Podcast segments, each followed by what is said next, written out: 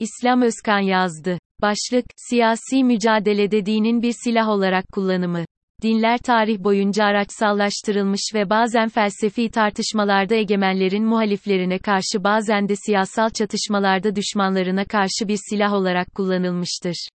İslam tarihinde dinin araçsallaştırılmasının en çarpıcı örneğini Muaviye ve Emevi devleti oluşturur. Kendisi dini ilkeleri hayata geçirme konusunda oldukça gevşek davranan Muaviye'nin iş söyleme geldiğinde dindarlığın bütün imkanlarını sonuna kadar kullandığına tanık oluyoruz. Özellikle kader ve özgür irade konusu, dinin siyaset açısından meşrulaştırıcı bir rol oynaması açısından oldukça merkezi bir görev yerine getiriyor o dönemde. Bunun çeşitli nedenleri olmakla birlikte, H.Z. Osman'ın Mısır'dan gelen ve aralarında çok bilinen sahabelerin yakınlarının da bulunduğu bir ihtilalle devrilmesiyle başlayan siyasi karışıklıkların rolü oldukça büyük. Kur'an-ı Kerim'in birbirinizle çatışmayın yönündeki açık hükümlerine rağmen Müslümanlar arasında yaşanan iç savaş ve katliamlar, neden böyle oluyor, Tanrı bunlara neden müsaade etti, sorusunu beraberinde getirmiştir. Elbette toplum ve siyasete ilişkin hükümler ihtiva etmesi bakımından İslam'ın özel bir konum olduğu ve siyasetle iç içe yapısının onun araçsallaştırılmasına bazen imkan verdiği doğrudur ancak, dinin, dini ahlakın, siyasete ilişkin hükümlerini hayata geçirmekle siyasetin dini yönlendirmesi arasında bazen ince bazen de oldukça belirgin ve açık bir çizgi vardır. Bu çizgiler, çoğu zaman egemenler tarafından silikleştirilmiş, tek derdi koltuk sevdası olan krallar, padişahlar, imparatorlar, rakiplerin tasfiyesi noktasında din ve din adamlarını oldukça hoyrat bir şekilde istismar etmişlerdir. Bu noktada bütün meşrulaştırma araçlarını seferber etmişlerdir. Dini hükümler sadece egemen siyasal sistemler tarafından değil aynı zamanda muhalifler tarafından da bir meşrulaştırma aracı olarak kullanılır.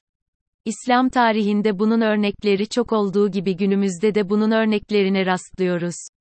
Örneğin Mısır'da Tahrir devrimi sırasında yaşanan ayaklanmalarda da zaman zaman fetva yarışlarına sahne olsa da dini kurumların ve yorumların birbiriyle kafa kafaya tokuşturulması 2013 darbe sürecinde oldukça açık bir şekilde yaşanmıştır.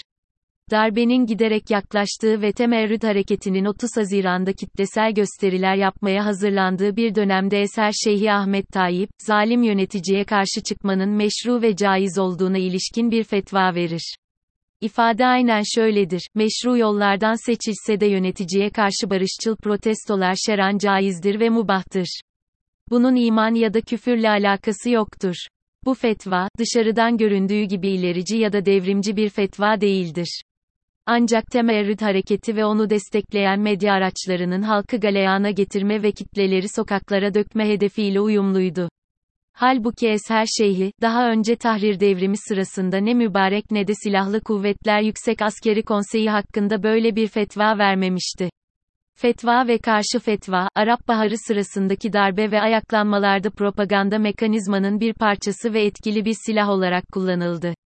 S. Arabistan'daki Vehhabi ulema, Arap ayaklanmaları ilk patlak verdiğinde ayaklanmalar için şeran haram fetvası verirken Müslüman kardeşler yanlısı ulema ise tam tersine zalim yönetimlere karşı sokaklara çıkmanın caiz ve hatta farz olduğu fetvasını yayınlamıştır.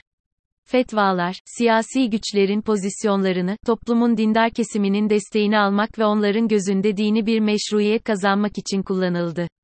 Esher Şeyhi Tayyip, 2011'deki Mısır ayaklanmaları sırasında bazen akla davet edip insanları tekfir etmenin reddedilmesi ve barışçıl gösterilere destek sayılabilecek görüşler açıklarken bazen de muhalefetin gemlenmesini sağlayacak birbiriyle tutarsız fetvalar verebiliyordu. Tayyip, 25 Ocak devrimindeki ayaklanmalar sırasında Hüsnü Mübarek'e bağlı kaldı. 3 Şubat 2011'de yayınladığı bir fetvada devrimci gençlerin Mısır'ı parçalanmasına neden olmak yerine akıllı davranarak evlerine dönmeye davet ediyordu.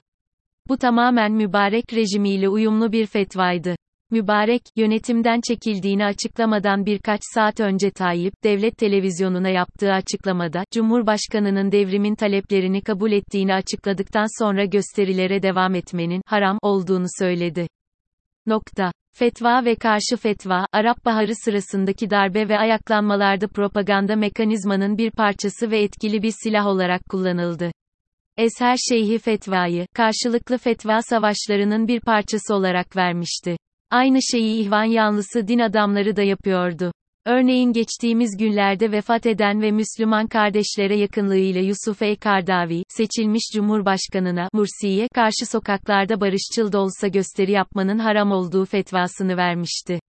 Aslında bu fetva savaşları, 30 Haziran'da askeri arkasına almış olan Temerrüt hareketinin ve kitlesinin düzenleyeceği protestolar bağlamında gelişiyor. Bir taraf bu gösterileri fetvalar üzerinden engellemeye çalışırken diğer tarafta bunun dinen meşru olduğunu söylüyordu.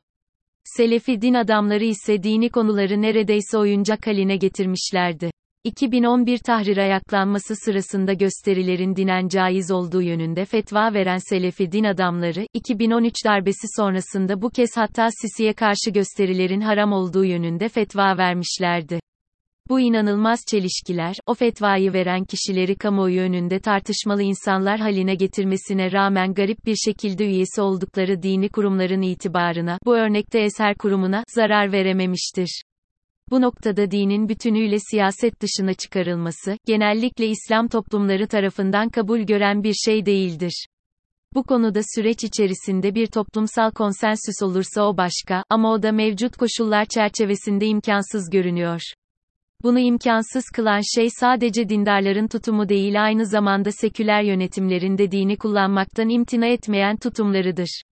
Mübarek ve Sisi örneklerinde de görüldüğü gibi din kurumu, Mısır örneğinde eser, doğrudan layık yönetimler tarafından istismar edilmektedir. Bu noktada çözüm, dinin toplumsal rolü üzerinde bizzat o toplumun içinde bir oydaşmanın yaratılmasıdır. Bu rolün nasıl bir rol olduğu ya da dini yorumların toplumsal hayata müdahalesinin nasıl sınırlanacağı önemli değildir. Zira bizdeki sorun, toplumsal ve ahlaki değerler üzerinde toplumca bir konsensusa varamayışımızdan kaynaklanıyor diye düşünüyorum.